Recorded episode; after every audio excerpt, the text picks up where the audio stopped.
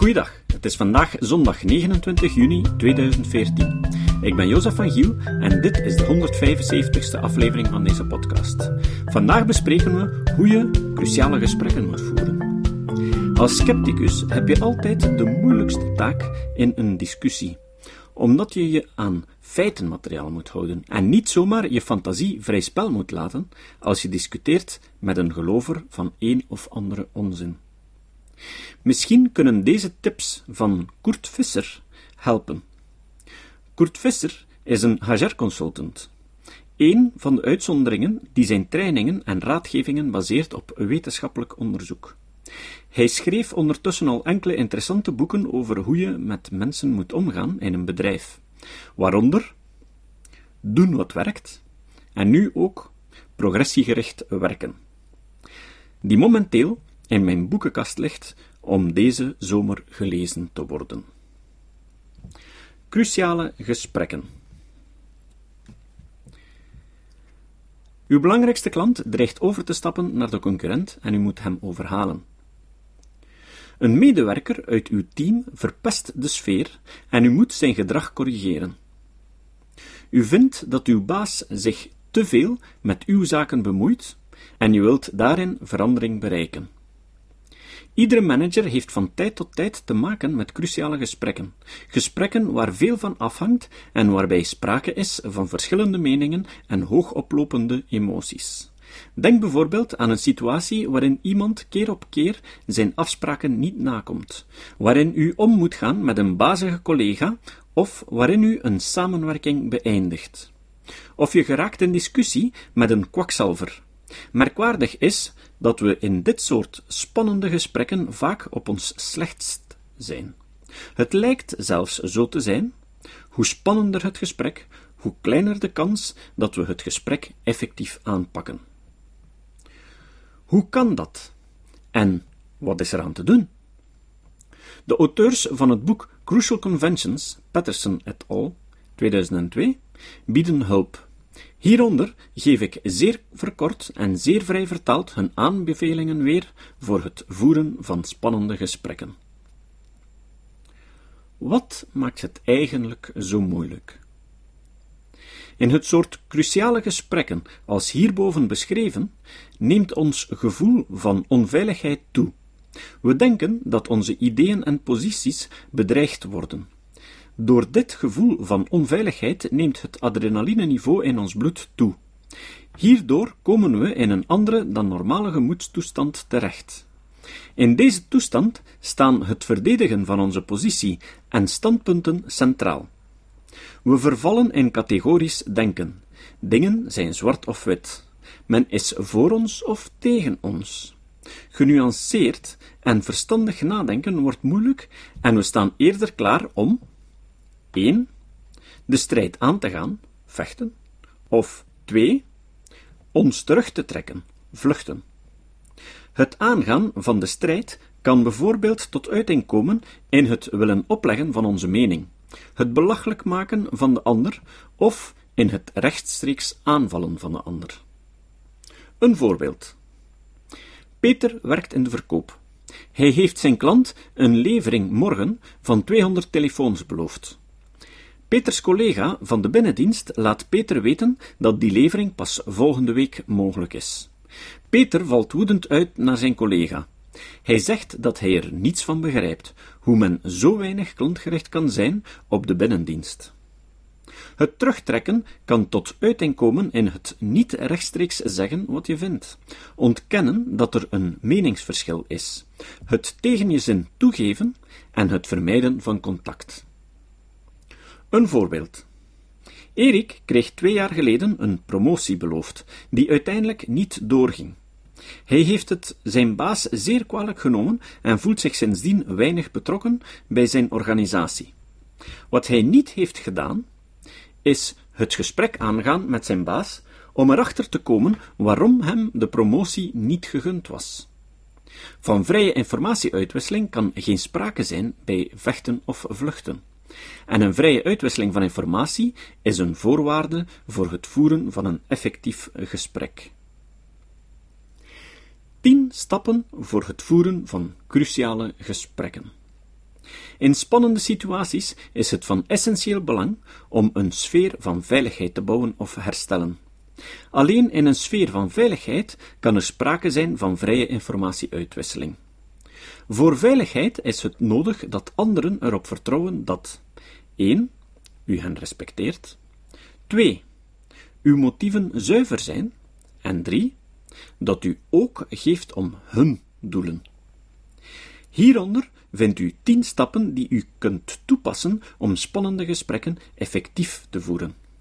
U kunt alle stappen achtereenvolgens toepassen, maar u kunt ook al profijt hebben van het toepassen van slechts enkele van de hieronder genoemde tips. 1. Observeer uzelf. Merk bewust op dat u in een spannende gesprekssituatie zit of dat u een spannend gesprek moet gaan voeren. Roep uzelf tot de orde en neem u voor het gesprek effectief te voeren en niet mee te laten slepen door uw emotionele toestand. 2. Beïnvloed uw emoties. Emoties zijn niet het gevolg van externe omstandigheden, maar van uw percepties en interpretaties van die omstandigheden. Met betrekking tot het beïnvloeden van uw emoties kunt u het volgende doen. Sta bewust stil bij de emotie die u ervaart. Welke emotie is dit? Boosheid, angst, machteloosheid, walging? Onderzoek vervolgens welke gedachten van uzelf deze emotie veroorzaken. Wat zijn de feiten? Hoe interpreteert u die en waarom geeft deze interpretatie u dit gevoel? Relativeer uw interpretatie van de feiten. Vraag uzelf af welke andere interpretatie van de feiten mogelijk is.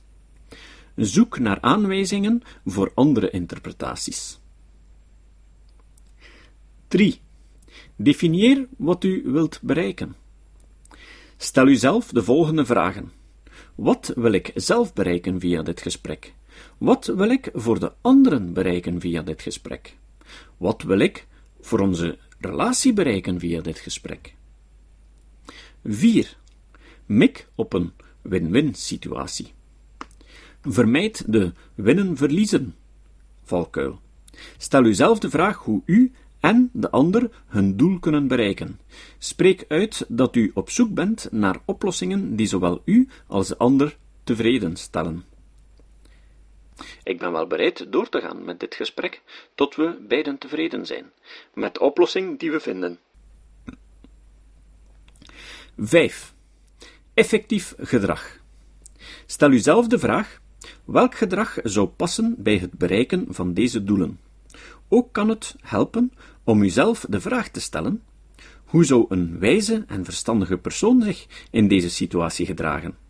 Alleen al het stellen van dit soort vragen helpt. Door u dit soort vragen te stellen, activeert u namelijk centra in de hersenen waar redelijkheid, verstandigheden en dergelijke zetelen. 6. Verontschuldig u, indien nodig. Wanneer u inderdaad onrespectvol bent geweest, maak dan uw excuses. Sorry dat ik zo tegen je uit ben gevallen. Ik bied mijn verontschuldigingen aan. 7. Verduidelijk uw bedoelingen. Neem eventueel gerezen misverstanden weg. Maak duidelijk wat u wel wilt en wat u niet wilt. Mijn beleving was dat je me die promotie toegezegd had. Dat heeft mij erg lang dwars gezeten. Ik wil dit graag met je bespreken om erachter te komen of jij dat toen inderdaad zo hebt bedoeld. Het is niet mijn bedoeling om mijn gelijk te halen of je in het nauw te drukken. Ook gaat het me nu niet in de eerste plaats om die promotie. In de eerste plaats wil ik dat we hierover open met elkaar kunnen praten. Ik hoop dat we onze relatie op die manier ook weer kunnen verbeteren. 8. Geef uw mening. Breng uw eigen mening op een manier naar voren die veilig is voor de ander. Dit kunt u als volgt doen. Noem de feiten waarover u beschikt. Ik heb de telefoons aan de klant beloofd. Hij heeft ze morgen nodig. Vorige keer was de levering binnen een dag mogelijk. Breng daarna uw interpretatie van die feiten onder woorden en toets deze. Maak duidelijk dat u zich bewust bent van het feit dat het gaat om uw interpretatie en niet om de objectieve waarheid. De manier waarop je het zegt dat we niet kunnen leveren, geeft mij het gevoel dat je het helemaal niet belangrijk vindt of we die klant wel of niet op tijd helpen. Is dat zo? 9. Exploreer de mening van de ander. Vraag de ander naar zijn of haar mening. Probeer erachter te komen over welke feiten de andere beschikt. Probeer erachter te komen wat zijn of haar interpretatie van de feiten is. Komt u hierachter, dan begrijpt u negen van de tien keer ook waarom de ander zich zo gedraagt. Parafraseer wat de ander heeft gezegd. Dus jij hebt het gevoel dat ik neerkijk op de binnendienst? Denk eventueel hardop. Heb je soms het idee dat ik de binnendienst nodeloos onder druk zet? 10. Creëer gezamenlijkheid en synergie.